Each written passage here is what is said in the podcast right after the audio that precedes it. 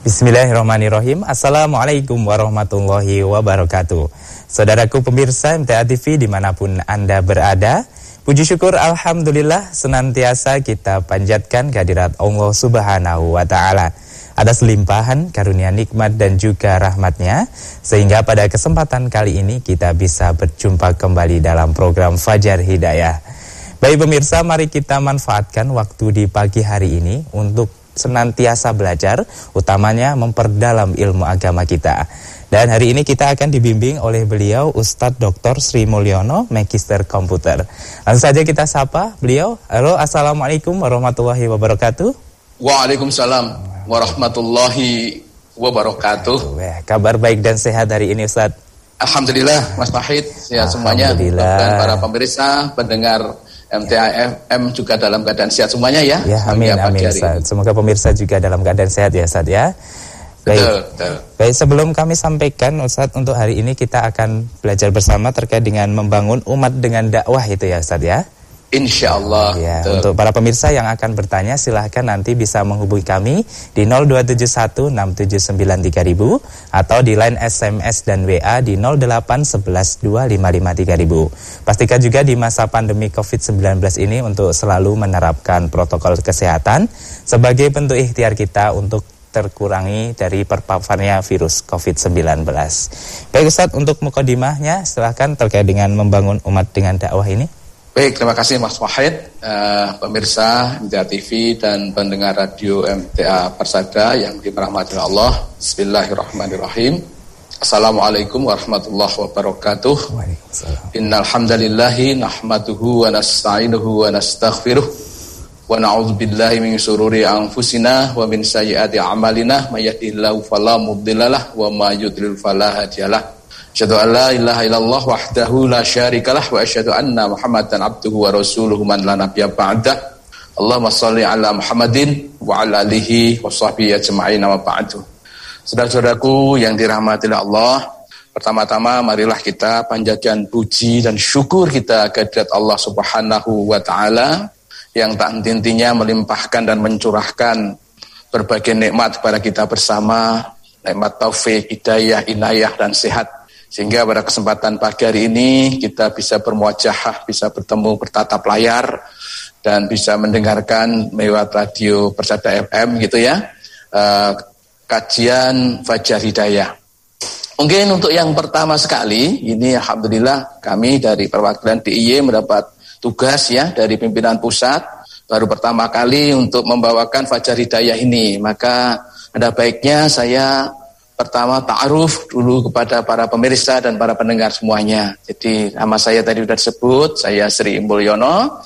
Saya dari Majelis Tafsir Al-Quran Perwakilan Daerah Istimewa Yogyakarta. Kebetulan dipercaya didawai oleh Ustadz untuk membantu pimpinan saya sebagai sekretaris perwakilan Daerah Istimewa Yogyakarta. Baik, saudara-saudaraku yang dirahmati Allah. Pada kesempatan pagi hari ini kita ambil tema tentang membangun umat dengan dakwah bahwa di dunia ini sebagai umat Islam kita satu-satunya panutan yang betul-betul harus kita teladani dalam kehidupan sehari-hari adalah Rasulullah Sallallahu Alaihi Wasallam. Baik dalam segala aspek, termasuk dalam aspek membina umat, ya, membina umat. Jadi barangkali kita pernah belajar tarikh begitu ya, gimana kehidupan masyarakat ketika sebelum datangnya Islam betul-betul dalam kondisi yang sangat sangat terbelakang dan jauh dari uh, ketinggian akhlak moral. Maka begitu datang Islam, alhamdulillah ditinggikan derajatnya karena Islam itu sendiri. Nah, apa yang dilakukan oleh Nabi Muhammad Shallallahu Alaihi Wasallam dalam menegak membangun membangun umat itu tidak lain adalah dengan aktivitas-aktivitas dakwah.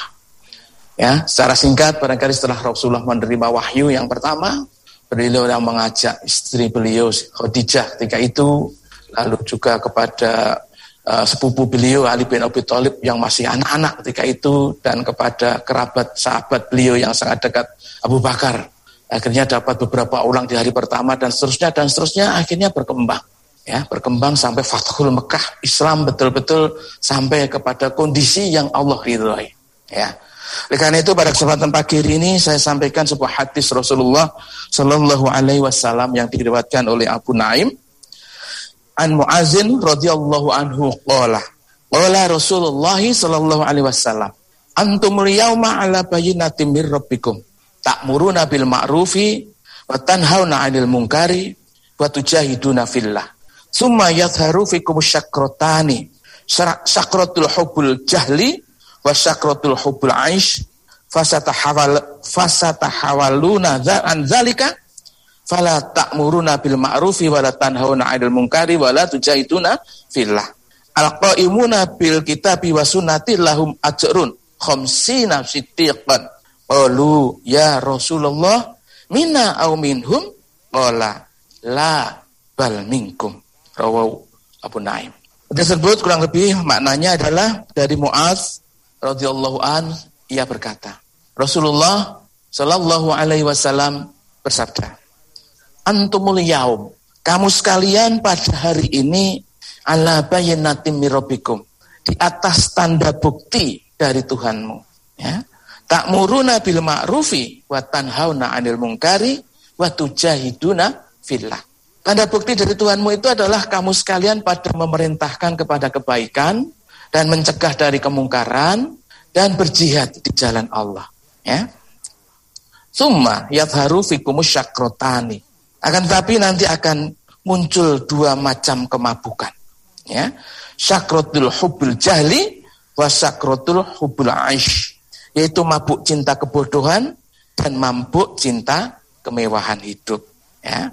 Fasa tahawaluna an zalika fala ta'muruna bil ma'rufi wala tanhauna 'anil munkari wala tujahiduna fillah. Nah, disebabkan oleh kedua macam kemabuan tadi, maka kamu berpindah haluan kamu tidak lagi memerintahkan uh, uh, yang baik-baik, tidak amar ma'ruf, dan tidak lagi mencegah dari kemungkaran, dan tidak lagi berjuang, berjihad di jalan Allah. Ya. Al-qa'imuna bisunati wa kitabin, ya, bi kitabi wa sunati lahum ajrun khamsina. Ya. Bahwa para penegak-penegak kebenaran di waktu itu dengan kitab Allah dan sunnah-sunnah Rasulullah, bagi mereka adalah 50 ya pahala dari 50 para penegak-penegak kebaikan ya siddiqan ya lalu sahabat-sahabat bertanya ya Rasulullah wahai Rasulullah minna au minhum 50 orang itu dari kami atau dari mereka nanti ya Rasulullah? La bal minkum. Oh tidak. Bahkan dari kamu sekalian. Artinya apa saudara-saudaraku semuanya? Penegak-penegak kebenaran dikala orang-orang sudah jauh dari amar ma'ruf nahi mungkar dan jauh dari berjihad di jalan Allah nanti adalah mendapatkan 50 orang sahabat. Bobotnya seperti itu. Baik saudara-saudaraku yang dirahmati oleh Allah kalau kita telisik dari hadis Rasulullah SAW antumul yauma ala bayinati mirabbikum saat ini hari ini adalah kamu sekalian di atas tanda bukti dari Tuhanmu. Maka hadis ini adalah disampaikan ketika saat itu umat Islam ya Rasulullah bersama sahabat-sahabatnya sudah mencapai tingkat apa namanya hasil dakwah hasil yang sesuai dengan dikendaki oleh Allah. Dalam ayat yang lain uh, mungkin bisa disimak di surat Al-Maidah ayat 3 karena juga disebutkan saudara-saudaraku semuanya uh, al yauma akmaltu lakum dinakum wa atmamtu alaikum wa raditu lakumul islam madina ya pada hari ini uh, telah aku sempurnakan untuk kamu Islam sebagai agamamu dan telah aku ridhoi ya Islam itu adalah sebagai agama kamu sekalian. Artinya sudah sampai kepada level bahwa masya Allah Islam betul-betul sudah dijalankan dari segala eselon istilahnya dari segala level begitu ya. Nah, kira-kira apa? Kejadian itu kejadian yang tiba-tiba lalu seperti itu ya. Tentunya tidak ya tentunya tidak. Bahwa perjuangan Rasulullah sejak awal menjadi rasul sampai betul-betul umat itu tertata dengan dakwah dengan Islam itu butuh perjuangan waktu yang sangat panjang sekali dari tarikh kita tahu bahwa 13 tahun Rasulullah di Mekah untuk menanamkan ya akidah yang sangat kuat dilanjutkan 10 tahun di Madinah untuk menata masyarakat yang betul-betul sesuai dengan apa yang dikendaki oleh Allah. Nah kira-kira dibuka dengan apa itu semuanya? Di awal saya sudah saya sampaikan bahwa Rasulullah menyampaikan membangun umat itu adalah dengan berdakwah, dengan mengajak, dengan menyeru da'a ilallah ya. Karena uh, maaf, seruan yang diminta uh, kepada Rasulullah sebagaimana yang disampaikan oleh Allah taala dalam surat Asyura ayat 13 ini adalah seruan-seruan dakwah yang di apa didawuhkan oleh Allah kepada Rasulullah dan tentunya kepada kita bersama. Ya. Allah berfirman, "A'udzubillahi minasyaitonirrajim." Syara'alakum minad dini ma wasabihi Nuha waladhi auhayna ilai auhayna ilaika wa ma wasaina bihi Ibrahim wa Musa wa Isa. An aqimu dina wa la tatafarraqu fi. Kabura alal musyrikina ma tad'uhum ilaih Allahu yajtabi ilahi ma yasha wa yahdi ilahi ma yunib. Yang artinya bahwa Allah telah mensyariatkan. Ini perintah dakwah. Bagi kamu bagi Rasulullah Muhammad SAW tentang agama ya apa yang juga telah diwasiatkan kepada Nabi Nuh ya juga dan apa yang kami wahyukan kepada kamu dan apa yang telah kami wasiatkan kepada Ibrahim, Musa, Isa. Artinya seruan dakwah yang disampaikan oleh Rasulullah SAW ini adalah sama membawa agama tauhid sebagaimana yang sudah diserukan oleh para nabi-nabi sebelum Rasulullah Muhammad Shallallahu Alaihi Wasallam. Ya, apa itu? An aqimudina wala tatafarraqu fi yaitu tegakkanlah agama. Dan janganlah kamu berpecah belah tentang agama itu sendiri. Ya ya. Saudara-saudaraku yang dirahmati oleh Allah ya. Dalam ayat ini juga disebutkan siapa-siapa yang nanti kemungkinan akan sangat besar merintangi seruan menegakkan agama ini. Maka Allah nyatakan kaburu alal musyrikina mata ta'uhum ilai. Maka sungguh amat berat orang-orang yang musyrik ya agama yang kamu seru mereka kepadanya. Tetapi Allah menarik kepada agama itu orang yang telah dikehendakinya dan memberi petunjuk kepada agamanya orang-orang yang kembali kepadanya. Orang-orang yang inabah kepada Allah Subhanahu wa taala. Saudara-saudaraku, kaum muslimin, muslimat, pemirsa MTA TV dan pendengar Persada FM yang dirahmati oleh Allah, bukti dari uh, tanda bukti dari Allah.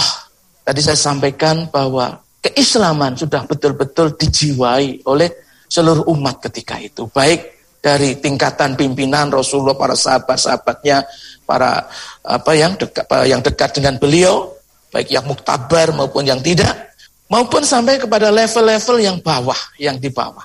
Ya, betul-betul sudah yakin, betul-betul sudah menjalankan Islam secara betul, menjalankan Islam secara kafah begitulah ya.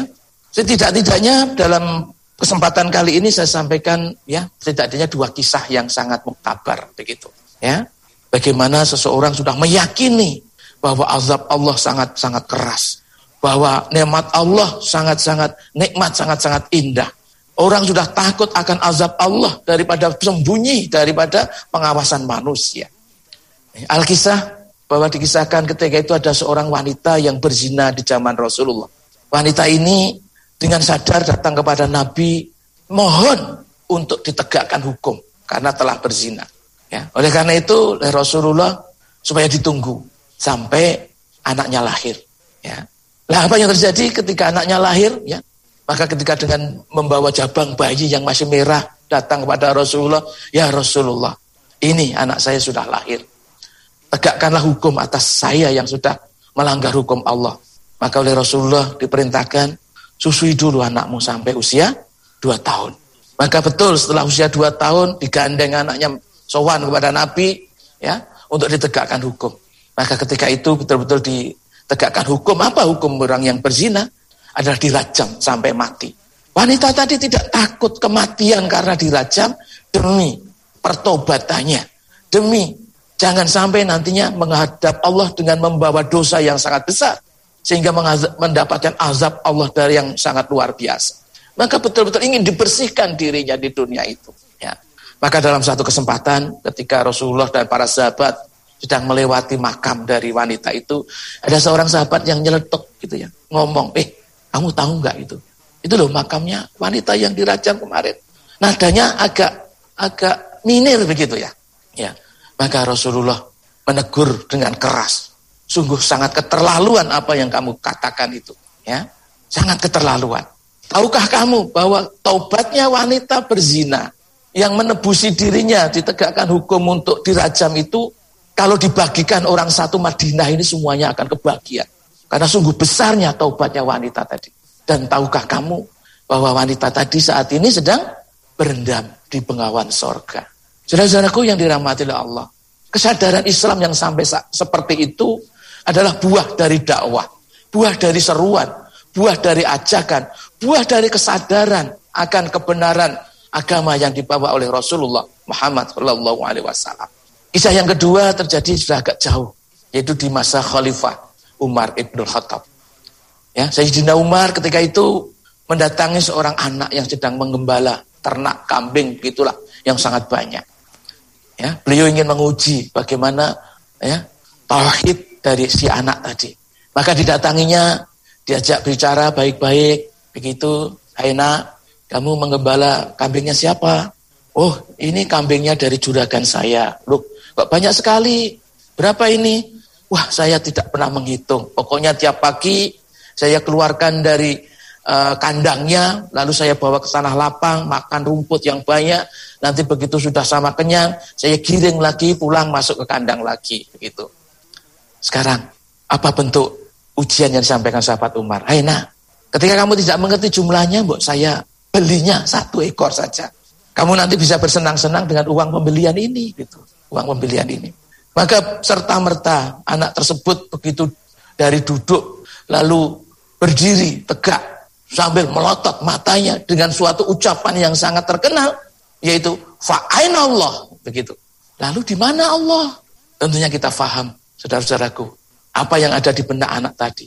Kalaupun saya itu bisa mengelabui juragan saya, saya bisa mengelabui manusia, namun saya pasti tidak pernah akan bisa berlindung dari pengawasan Allah. Ini adalah seorang anak gembala, ya, anak gembala. Ya. Coba kira-kira kira-kira ya Mas Fahid yang kondisi seperti anak tadi, ya. Eh, Fahid, ibu dusi sopo? Dusi juragan, cacai piro, Banyaknya ada berapa? Banyak sekali. Tak belinya satu. Nanti kamu kan bisa jajan. Ya. Mungkin Mas Wahid ngomongnya, jangan satu, tiga sekalian. gitu, ya, ini cuma suatu komparasi saja. Betapa akidah yang betul-betul tertanam sampai di hati anak gembala tadi, sehingga takutnya kepada Allah begitu sangat luar biasa. Ini semuanya adalah buah dari dakwah, buah dari seruan, buah dari ajaran, ajakan yang disampaikan oleh Rasulullah Shallallahu Alaihi Wasallam. Ya, dimulai dari sedikit demi sedikit.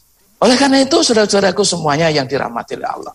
Ya, saat ini pun, sampai kapan pun, kita bisa membangun, memperbaiki umat ini adalah dengan kesadaran tentang pentingnya melaksanakan agama Islam secara kafah, secara benar.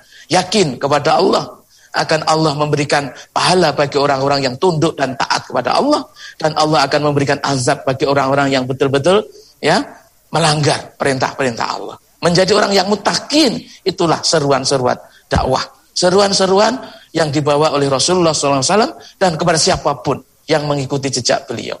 Dan alhamdulillah saudara-saudaraku semuanya, ya di majelis tafsir Al-Quran yang kita cintai bersama, tugas dakwah ini selalu di, diingatkan. Baik sejak dari Al Ustaz almarhum Ustaz Abdullah Tofel Saputra, dilanjutkan Al Ustaz Ahmad Sukino, dan sekarang oleh Al Ustaz Nur Khalid Saifullah. Ini tetap dakwah ini adalah menjadi prioritas kita bersama ya sebagaimana apa yang dilakukan oleh Rasulullah Sallallahu Alaihi Wasallam. Adapun apa hasilnya dakwah nanti semuanya kita serahkan. Yang penting mari kita bersungguh-sungguh. Kita sampaikan kebenaran. Kita sampaikan apa itu pelajaran dari Al-Quran maupun As-Sunnah. Semaksimalnya apa yang kita bisa. Ya, tentang nanti akan jadinya kayak apa kita serahkan kepada Allah Subhanahu wa taala. Walaupun nanti mungkin di sesi dua kita bisa sampaikan ya Mas Wahid ya, akibat dari orang-orang yang bersungguh-sungguh di jalan Allah, Allah sama sekali tidak akan mensia-siakan amalan orang itu. Bahwa Allah akan menjanjikan kehidupan yang baik bagi orang-orang yang bersungguh-sungguh, orang-orang yang beriman dan bertakwa kepada kepada Allah. Oleh karena itu, saudara-saudaraku semuanya, mari dakwah ini kita jadikan metode, kita jadikan sarana untuk memperbaiki kehidupan bermasyarakat yang sudah mulai ya tertimpa berbagai macam penyakit Penyakit-penyakit yang di umat zaman Rasulullah dan sebelumnya ada, sekarang pun ada semuanya. Ditambah penyakit-penyakit baru yang dulu pun belum pernah ada. Ya, ada orang yang gara-gara perkenalan dari Facebook akhirnya bisa saling bunuh, ya, saling diperkosa. Itu belum pernah. Nabi siapa pun ya dengan Facebook lalu ada kejahatan itu belum pernah. Ya. Sekarang ini luar biasa sekali. Ya.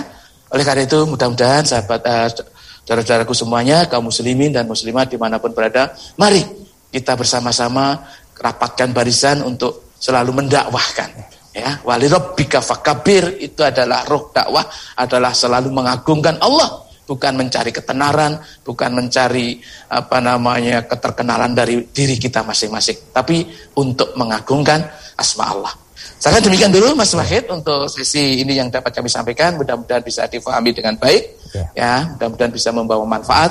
Ya. Khususnya bagi saya dan kita bersama. Ya. Berkatan Mas ya, Wahid? Baik, terima kasih Ustaz. Bahwasanya memang dakwah merupakan sarana yang paling tepat untuk membangun umat ini ya Ustaz ya. Dan bahwa dakwah ini merupakan pahalanya sangat besar dan akan menimbulkan banyak manfaat untuk para umat ini ya Ustaz ya. Baik pemirsa kita akan lanjutkan nanti di sesi kedua. Silahkan untuk para pemirsa yang akan bertanya Bisa menyampaikan di 08112553000 Atau nanti bisa secara langsung di 02716793000 Pastikan pemirsa tetap bersama kami dalam program Fajar Hidayah. Baik, saudaraku pemirsa MDA TV di mana pun Anda berada Terima kasih Anda masih setia bersama kami dalam program Fajar Hidayah dan hari ini kita masih bersama dengan beliau Ustadz Dr. Sri Mulyono, Magister Komputer. Dan kita berikan waktunya untuk para pemirsa yang akan bertanya di 02716793000. Baik Ustadz, kita terima penelpon di hari ini untuk yang pertama. Halo, Assalamualaikum. Waalaikumsalam. Baik. Baik, dengan Bapak siapa di mana ini? Dengan Pak Kasman di Bengkulu. Baik, silakan Pak Kasman pertanyaannya. Assalamualaikum warahmatullahi wabarakatuh Ustaz. Waalaikumsalam warahmatullahi wabarakatuh. Pak Kasman. Sehat ya Pak Kasman ya? Nah, Ini tentang apa Tentang sholat malam. Iya. Saya mengatakan Sholat malam itu Setelah sholat isya Habis pada sholat isya itu langsung sholat witir itu yang kami lakukan seperti ini apakah apa itu tidak menyalahi ya. ya baik Pak Wasman kemudian yang yang kedua yaitu mohon terang tentang antara mahram dan muhrim itu yeah. mohon penjelasannya Sekian Assalamualaikum warahmatullahi wabarakatuh. Waalaikumsalam warahmatullahi wabarakatuh. pertanyaan pertama tadi Ustaz terkait dengan sholat malam setelah sholat isya kemudian melaksanakan witir. Ini apakah ada Iji. tuntunannya atau tidak Ustaz? Ije, Pak Kasman dan juga para pemirsa TVMDA yang dirahmati Allah, saudara-saudaraku semuanya. Jadi witir di awal waktu itu pernah dilakukan dalam satu riwayat itu pernah dilaksanakan dicontohkan oleh Nabi ya. Hanya saja apa itu bukan suatu kebiasaan begitu. Jika dikhawatirkan dikhawatirkan nanti tidak bisa bangun malam dua per tiga malam ya. Tapi ketika optimis nanti bisa bangun dua per tiga malam ya akan lebih baik waktu witir itu dijadikan penutup dari surat malam begitu ya jadi pemahamannya ketika uh, begitu pentingnya sholat witir gitu ya Rasulullah sampai memberikan arahan begitu kalau khawatir mungkin karena capek sekali atau karena ngantuk sekali begitu bisa dilaksanakan adalah di awal waktu. Tapi ini bukan suatu kebiasaan bukan suatu kebiasaan begitu ya. Yang kebiasaan dilakukan Rasulullah ya witir itu bersamaan dengan sholat malamnya setelah memasuki dua per tiga malam begitu. Tapi e, karena pernah dicontohkan hal semacam ini bisa dikerjakan begitu ya. Itu ada dalilnya yang mendasari bahwa witir di awal malam begitu Pak Kasman. Kemudian yang kedua tadi adalah perbedaan mahram dan muhrim gitu ya. Iya, Jadi e, kalau mahram itu adalah orang-orang ya antara laki-laki dan perempuan ya yang dia itu diharamkan untuk dinikahi itu namanya mahram. Nanti disebut di surat uh, An-Nur ada Anissa ada itu ya. Siapa saja ibumu, adik perempuanmu, adik dari bapakmu, uh, adik atau kakak dari ibumu dan seterusnya ya anak perempuanmu dan seterusnya. Itu adalah semuanya mahram. Sedangkan muhrim itu dari segi biasa itu bahasa adalah orang yang sedang berpakaian ihram ketika haji itu ya. ya. Haji itu kan ada syarat wajib hajinya itu kan berpakaian ihram ya ketika hari-hari tertentu gitu ya. Itu namanya orang yang berpakaian ihram itu namanya muhrim ngaten. Jadi begitu sangat berbeda sekali antara muhrim dan mahram ya. ya. Bapak Kasman di Bengkulu ya. ya. Demikian Mas Paket? Ya, baik. Demikian untuk Bapak Kasman di Bengkulu semoga bisa dipahami. Lalu kita bacakan Ustaz pertanyaan di pesan WhatsApp dan SMS. Yang pertama dari hamba Allah di Merauke. Ini pertanyaannya, ini yang pertama mohon doa Ustaz. Saya sakit perut sudah menahun belum ada kesembuhan, mohon doanya. Kemudian menanyakan masalah sholat berjamaah sama keluarga. Makmumnya laki-laki satu, perempuan dua orang. Bagaimana soft-softnya? Kemudian yang kedua mohon penjelasan terkait dengan surat Al-Baqarah ayat 26 Ustaz. Oke, hamba Allah di Merauke. Ya. Uh, saya mendoakan mudah-mudahan panjenengan diberi kesabaran ya dengan sakit yang menaun itu. Jadikanlah sakit itu sebagai sarana untuk memohon ya, memohon ampunan kepada Allah ya. Ketika orang yang sakit ya, ketika sehatnya melakukan aktivitas dalam kebaikan, sholat jamaahnya sergep, ya, ngajinya sergep, kok tiba-tiba sakit sehingga menghalangi untuk sholat jamaah, maka ketika sakit ini pun dihitung sebagaimana laksana ketika sehat. Terus memohon kepada Allah dan secara uh, insi, apa, insaniah berusaha untuk berkonsultasi kepada ahlinya, ya, yaitu dokter. Dokter itu hanya memberikan obat, tapi yang menyembuhkan adalah Allah. Maka Allah lah yang maha penyembuh. Mintalah kesembuhan adalah kepada Allah. Jangan minta kesembuhan kepada dokter. Ya, itu adalah suatu sarana. Karena penyembuh adalah Allah Subhanahu wa taala. Mudah-mudahan diberi kesabaran ya Bapak atau Ibu yang dari Merauke. Kemudian tentang sholat berjamaah. Ya, makmumnya satu laki-laki dan dua perempuan, ya. Bagaimana letaknya? Kalau makmumnya itu satu laki-laki, berdirinya adalah di sebelah kanan imam gitu ya ya agak diberi jarak agak mundur sedikit begitu yang laki-laki sementara yang perempuan ya di belakang imam ya agak di belakang ya lurus dekat imam di bagian belakang gitu ya. Intinya perempuan itu adalah letaknya di belakang begitu ya. Kemudian tentang surat al-baqarah ayat 26 nah ini penjelasannya agak panjang ya. Kita bacakan dulu mungkin uh, pendengar atau pemirsa yang lain ya yang bawa uh, penyimak Quran bisa dibaca. Auzubillahi minasyaitonirrajim. Bismillahirrahmanirrahim innallaha la yastahyi ayyadriba masalam ma ba'udatan fama fawqaha fa amal ladzina amanu fayalamuna annahu al-haqqu min rabbihim wa amal ladzina kafaru fayaquluna maza aradallahu bihadza masalah yudhillu bihi katsira wa yahdi bihi katsira wa ma yudhillu bihi ilal fasiqin gitu ya sesungguhnya Allah tidak segan membuat perumpamaan berupa nyamuk atau yang lebih rendah dari itu. Ya. Adapun orang-orang yang beriman, maka mereka yakin bahwa perumpamaan itu benar dari Tuhan mereka.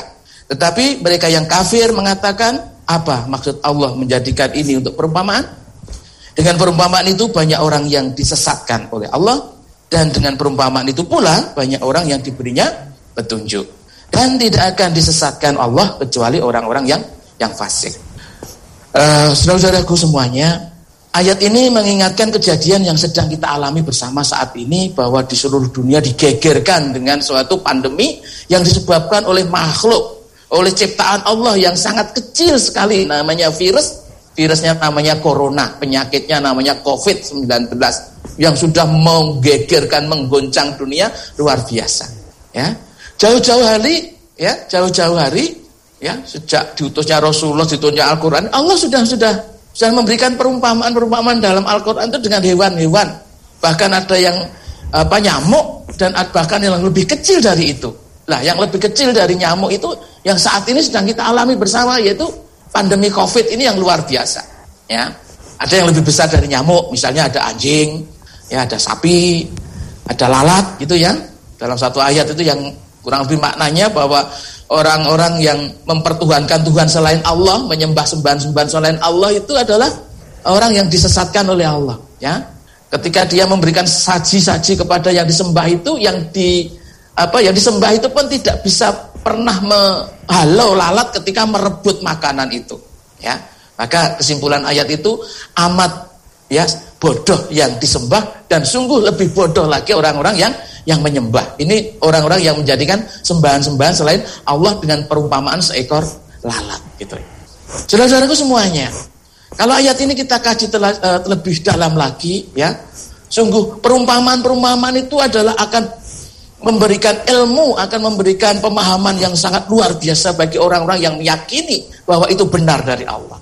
Ya, coba yang kecil lebih kecil dari nyamuk ini sudah berapa departemen yang mengurus tentang COVID ini. Coba kita hitung, ada kesehatan pasti dalam negeri, perdagangan, pertanian, pertahanan, pendidikan, perhubungan. Wah, sudah hampir seluruh departemen ikut ngurus masalah ini yang masalahnya adalah masalah COVID-19, corona, ya.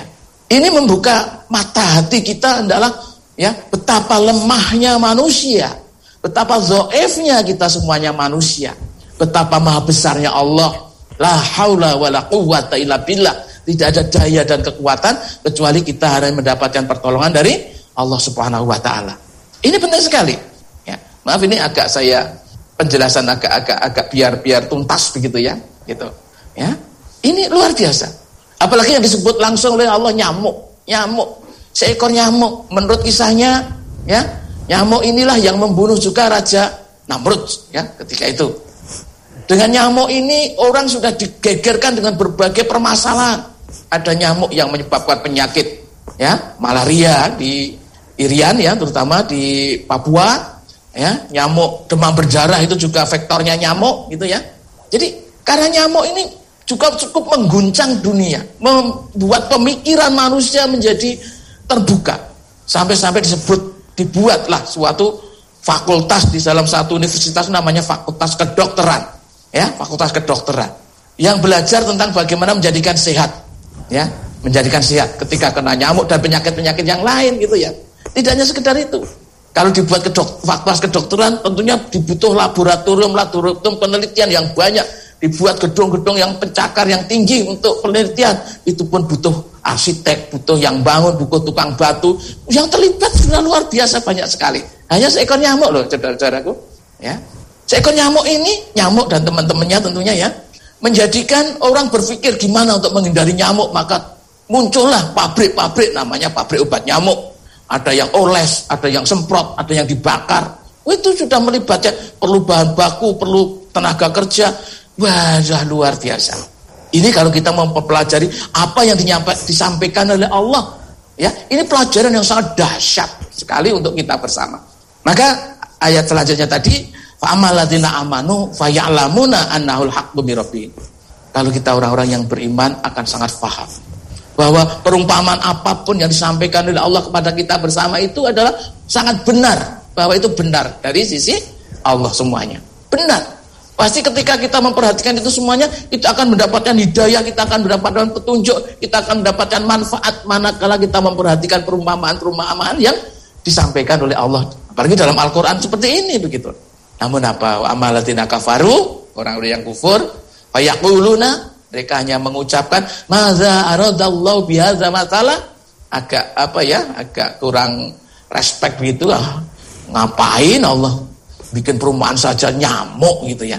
Oleh karena yudhillu bi katsira wa yahdi bi katsira.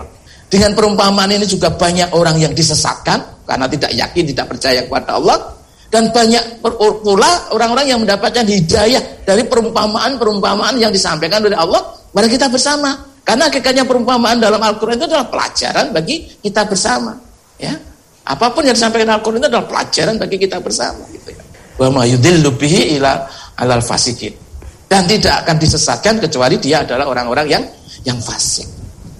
Ya. Dalam diri hewan-hewan yang kecil itu, bapak-bapak, saudara-saudaraku semuanya, nyamuk. Nyamuk itu hidup karena ada beberapa sistem sistem pencernakan, sistem peredaran darah, sistem apa namanya yang untuk perkembangbiakan, semuanya dibikin lengkap oleh Allah.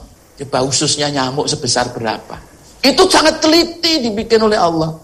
Ya, alat kelaminnya nyamuk kayak apa? Itu dibuat teliti oleh Allah. Ya, ya. Ini semuanya sangat luar biasa. Oleh Allah sampai hidup nyamuk bisa berterbangan seperti itu dibuat sangat teliti sekali oleh Allah. Ya. Pernah sering saya sampaikan di forum-forum itu ya, ketika ada seorang apa ya, tukang batu yang ahli pembangunan atau ahli patung membuat replikasi gitu ya. Kira-kira kalau disuruh membuat replikasi nyamuk dengan replikasi gajah, suka mana? Apakah akan menerima tawaran membuat replikasinya nyamuk? Tidak mungkin. Tidak mungkin susah di oh itu dengan dua keping pasir saja sudah sebesar nyamuk gimana bikinnya begitu. Maka yang itu saja teliti sekali oleh Allah. Maka maha besar Allah, maha benar Allah, Allahu Akbar. Dan kita itu adalah dhaif. Oleh karena itu, ya, oleh karena itu, marilah dengan kejadian-kejadian peristiwa ini yang luar biasa pertanyaan dari uh, Mbak Allah dari Mirauke ini mengingatkan kita apalagi di situasi pandemi semacam ini harusnya semakin tunduk patuhlah kita kepada zat yang maha kuasa yaitu Allah subhanahu wa ta'ala Yeah. Mudah-mudahan penjelasan ini sudah bisa mewakili ya, yes. uh, dan kita mendapat pelajaran dari ini semuanya. Begitu Mas Fakir. Ya baik. Yeah. Demikian untuk hamba Allah di Merauke. Kita lanjut Ustaz. Pertanyaan berikutnya dari Pak Hasan di Demak. Mau tanya doa kunut pada sholat witir itu sunnah atau wajib Ustaz? Mohon tausiahnya. Ya yeah, Pak Hasan dari Demak ya kunut yeah. pada sholat witir ya. Yeah. Jadi sependek yang saya belajar agama ini yang belum lama juga ya kami malah belum mendapatkan ketentuan bahwa witir itu ada kunutnya begitu ya ada kunutnya gitu ya kalau dilihat dari segi apa namanya sholatnya witir sendiri kalaupun ada betul ya kalau betul-betul ada kunut di witir loh ya ya pak ya witirnya sendiri kan sholatnya sholat sunnah begitu ya nah, apa ada suatu sholat sunnah yang ada salah satu rukunnya kok wajib begitu. Kalaupun benar gitu ya, kalaupun benar. Wallahu a'lam bisawab gitu ya. Sependek saya tahu ini, saya belum pernah mendapatkan bahwa ada kunut di sholat witir. Mohon maaf ya itu karena iya. keterbatasan saya tentang pemahaman witir ya, ya. dan kunut ini. Makatan Pak. Ya, ya, Hasan, ya. untuk Pak Hasan di Demak. Kemudian lanjut ya. untuk Ibu Umi Hanan di perwakilan Banjarnegara Ustaz. Mohon dijelaskan batasan dakwah yang dilakukan oleh ibu-ibu Ustaz. Mohon tausiahnya. J, Ibu Umi Hanan di Banjarnegara ya. itu ya. Jadi gimana ibu-ibu harus membawa peran dakwah ya, peran dakwah. Jadi dakwah itu dari segi mananya kan menyeru mengajak ya, mengajak. Siapa yang diajak ya tentunya orang lain. Sampai Rasulullah mendapat perik apa dari Allah wa anzir ashiratakal aqrabin Dimulai dari berilah peringatan dari kerabat-kerabat dekatmu, yang dekat dengan kamu, ya, yang dekat. Oleh karena itu ibu-ibu ini perannya sangat sentral dalam urusan dakwah ya, terutama bagaimana sebagai tanggung jawab seorang ibu, ya. Yang paling mendasar adalah bagaimana pertama khidmat pada suaminya, mendukung apa yang dilakukan suaminya selama pada jalan Allah. Mendidik anak-anaknya, ya, dibimbing untuk bisa mengenal Allah, bertauhid yang kuat ya bertauhid yang kuat. Jadi jangan sampai kayak ibu-ibu pada umumnya banyaknya dulu ya ketika di desa-desa tempat saya sana itu ya. Ya, kalau ayamnya sore itu tidak pulang itu, itu ditakok ke ya, ditanyakan ke tetangganya apakah ada ayam saya di sini.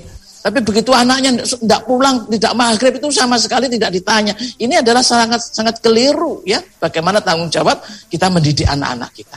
Ya, mulai dari kecil. Kita tanamkan untuk berkata jujur. Nanti bisa dibaca di surat apa ya nasihat Luqman kepada anak-anaknya itu.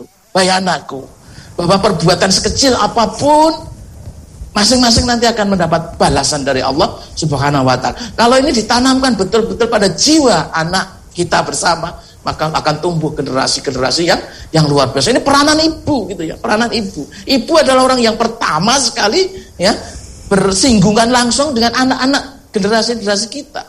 Maka ibu-ibunya ini harus mem mem memerankan dakwah yang sangat luar biasa gitu loh. Ya gitu gitu ya. Dan jangan jangan anu jangan jangan apa bahasanya Mary ya. Ibu-ibu zaman Rasulullah pun ada yang Mary dengan apa namanya kegiatan-kegiatan dakwah. Mary itu apa bahasanya ya. Jadi ingin juga tampil. Ya Sehingga ada utusan ibu-ibu yang usul datang kepada Rasulullah untuk menyampaikan permasalahannya. Ketika itu ada utusan ibu-ibu yang datang kepada Rasulullah, "Ya Rasulullah, saya adalah utusan dari para ibu yang menanyakan satu hal. Kalau suami-suami itu bisa ke sana kemari, ya, bisa berdakwah, bisa berjuang, bisa berperang, ya, bisa berbagai hal keluar dan kalaupun mati dia dalam dapat sabilillah. Lah bagaimana kami-kami para ibu? Maka apa?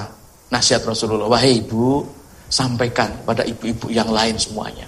Bahwa kalau ibu-ibu itu semuanya ditinggal pergi oleh suaminya itu berkhidmat di rumahnya, menjaga harta suaminya, mendidik anak-anaknya dengan baik dan benar, maka ya dan rizal atas apa yang dilakukan oleh suaminya dalam rangka berdakwah fisabilillah tadi, maka ibu itu pun akan bersyarekat pahala sama seperti yang dilakukan oleh suami-suami kita. Itu indahnya gitu ya. Indahnya luar biasa begitu. Oleh karena itu monggo Ibu ya, Bu Mihanan dan Ibu-ibu semuanya ya, tugas penjenengan sangat banyak sekali untuk menciptakan generasi umat yang baik. Umat yang mendapat hidayah Allah adalah dengan memulai memahamkan anak-anak kita dengan tauhid, memahamkan anak-anak kita dengan kebenaran-kebenaran. Bahkan mulai usia tujuh tahun untuk di, mulai diajari sholat. Ya. Syukur lebih awal lagi gitu ya. ya. Kalau sampai usia 10 tahun belum mau sholat, ya perintah Rasulullah maka pukullah ya. Tentunya dipukul dengan pukul pendidikan, pengajaran agar anak-anak kita bisa mentaati perintah Allah dan perintah eh, tuntunan-tuntunan dari Rasulullah Sallallahu Alaihi Wasallam. Nah, begitu Bu Umi Hanan, ya, ya. Katen, Mas. Baik, baik. Demikian ya. untuk Ibu Umi Hanan di perwakilan Banjarnegara, semoga bisa dipahami. Dan tidak terasa Ustaz kita sudah berada di akhir perjumpaan ini, walaupun sebenarnya, ya, Walaupun masih banyak pertanyaan, namun karena waktu, barangkali dua menit Ustaz untuk kesimpulan akhir pada kesempatan kali ini. Siap, terima kasih ya. Mas Fahid ya. Saudara-saudaraku semuanya, ya. Jadi kesadaran akan agama yang timbul pada tadi, ya seorang wanita yang berbuat dosa ingin dibersihkan, itu karena betul-betul yakin kepada Allah. Seorang gembala yang ketika mau diambil, dibeli, padahal bukan miliknya dengan mata melotot, dengan perkataan yang sangat muktabar itu Allah di mana Allah. Itu adalah buah dari dakwah. Buah dari ajakan seruan untuk yakin tauhid kepada Allah ya. Dan sebenarnya rangkaian dari apa bahwa membangun umat dengan dakwah ini masih panjang sekali gitu ya. Tidak-tidaknya bagi orang yang bersungguh-sungguh dalam dakwah itu jangan khawatir. Jangan khawatir karena Allah menjanjikan wa may yattaqillaha yaj'allahu makhraja Barang siapa yang bertakwa kepada Allah, maka Allah akan menjadikan bagaimana baginya jalan keluar. Ya. Wa yattaqillah yaj'al min amrihi yusra. Barang siapa yang bertakwa kepada Allah akan dijadikan urusannya mudah, dimudahkan oleh Allah. Ya. Dan akan dicukupkan segala macam urusannya. Ya. Bahkan dalam ayat yang lain ya, saudara-saudaraku semuanya di surat An-Nur nanti bisa dibaca surat 55 begitu. Ya, ini janji Allah. Ya, janji Allah. Dan ini betul-betul janji Allah ditepati begitu. Innallaha la yukhliful mi'ad. Sesungguhnya Allah tidak akan pernah memungkiri janjinya, begitu. Ya. Di sini dalam surat Nur ayat 5 saya bacakan artinya saja mengingat waktu ya. Dan Allah berda, berjanji kepada orang-orang yang beriman di antara kamu dan mengerjakan amal-amal yang soleh bahwa dia sungguh-sungguh akan menjadikan mereka berkuasa di muka bumi Sebagaimana dia telah menjadikan orang-orang sebelum mereka berkuasa. Dan sungguh, dia akan meneguhkan bagi mereka agama yang telah diridhoinya untuk mereka. Dan dia benar-benar akan menukar keadaan mereka sesudah mereka dalam ketakutan menjadi aman sentosa. Ini janji Allah kepada orang-orang yang bersungguh-sungguh. Berkhidmat di jalan Allah ini. Mereka tetap menyembahku dengan tiada mempersekutukan sesuatu. Apa pun dengan aku. Dan barang siapa yang tetap kafir sesudah janji itu, maka itulah orang-orang yang yang fasik. Ya. Hal yang penting tadi yang perlu saya sampaikan, saya ingatkan kepada kita bersama rangkaian dari sabda Rasulullah setelah dakwah lalu tegak orang-orang sama amar ma'ruf nahi mungkar dan berjihad di jalan Allah. Ini yang perlu kita waspadai bapak-bapak, saudara-saudaraku, ibu-ibu semuanya. Sumayat harufikum syakrotani akan dimunculkan dua macam kemabukan mabuk cinta kebodohan dan mabuk cinta kemewahan itu. Kalau sudah apa orientasi-orientasi kegiatan dakwah sudah meleset dari dari hanya karena Allah menyimpang kepada yang lain, ini adalah awal akan rusaknya kebersamaan itu. Ini yang perlu kita catat dengan sungguh-sungguh. Karena ketika sudah mabuk cinta kebodohan, sudah merasa dirinya cukup, merasa puas, merasa pandai, lalu tidak mau meningkatkan lagi apa yang ada pada dirinya dan keinginannya adalah apa namanya mau dakwah tapi bayari piro dan sebagainya. Terus uang saja uang uang dan uang ya. Kemewahan hidup ya. Ini akan berpindah haluan nanti ya. Kemudian tidak lagi mau berjihad di jalan Allah. Tidak mau beramal lagi beramal ma'ruf tidak lagi bernahi mungkar. Ini yang perlu kita wasdai bersama termasuk dalam kebersamaan kita di majelis tafsir Al-Quran ini. Maka ya. mari betul-betul dengan memohon pertolongan Allah, mudah-mudahan kita selalu dibimbing dengan petunjuk-petunjuknya. Begitu. Ya, baik. Demikian uh, sahabat uh, saudara-saudaraku semuanya yang dapat ya. kami sampaikan, Mas Wahid dan ya, saya cukup sekian. Lain ya. ya. Wassalamualaikum warahmatullahi wabarakatuh. Waalaikumsalam warahmatullahi wabarakatuh. Baik, terima kasih Ustadz untuk tausiah dan nasihatnya kesempatan kali ini. Semoga Ustadz dan rekan-rekan yang ada di sana senantiasa dalam keadaan sehat. Dan jumpa lagi di lain waktu Ustadz. Baik, para pemirsa, kita Terima kasih mengucapkan atas partisipasi pemirsa dalam menyimak program Fajar Hidayah dan jangan lupa untuk selalu menerapkan protokol kesehatan sebagai bentuk ikhtiar kita di masa pandemi COVID-19. Dan kami ucapkan terima kasih untuk partisipasinya dan jangan lupa untuk para pemirsa untuk selalu menaati protokol kesehatan dan jangan lupa juga untuk selalu mengikuti program MTA TV. Akhirnya saya Wahid Arifuddin pamit undur diri. Alhamdulillahirabbil alamin. Subhanakallahumma wa bihamdika asyhadu alla ilaha illa anta astaghfiruka wa atubu ilaik. Wassalamualaikum warahmatullahi wabarakatuh.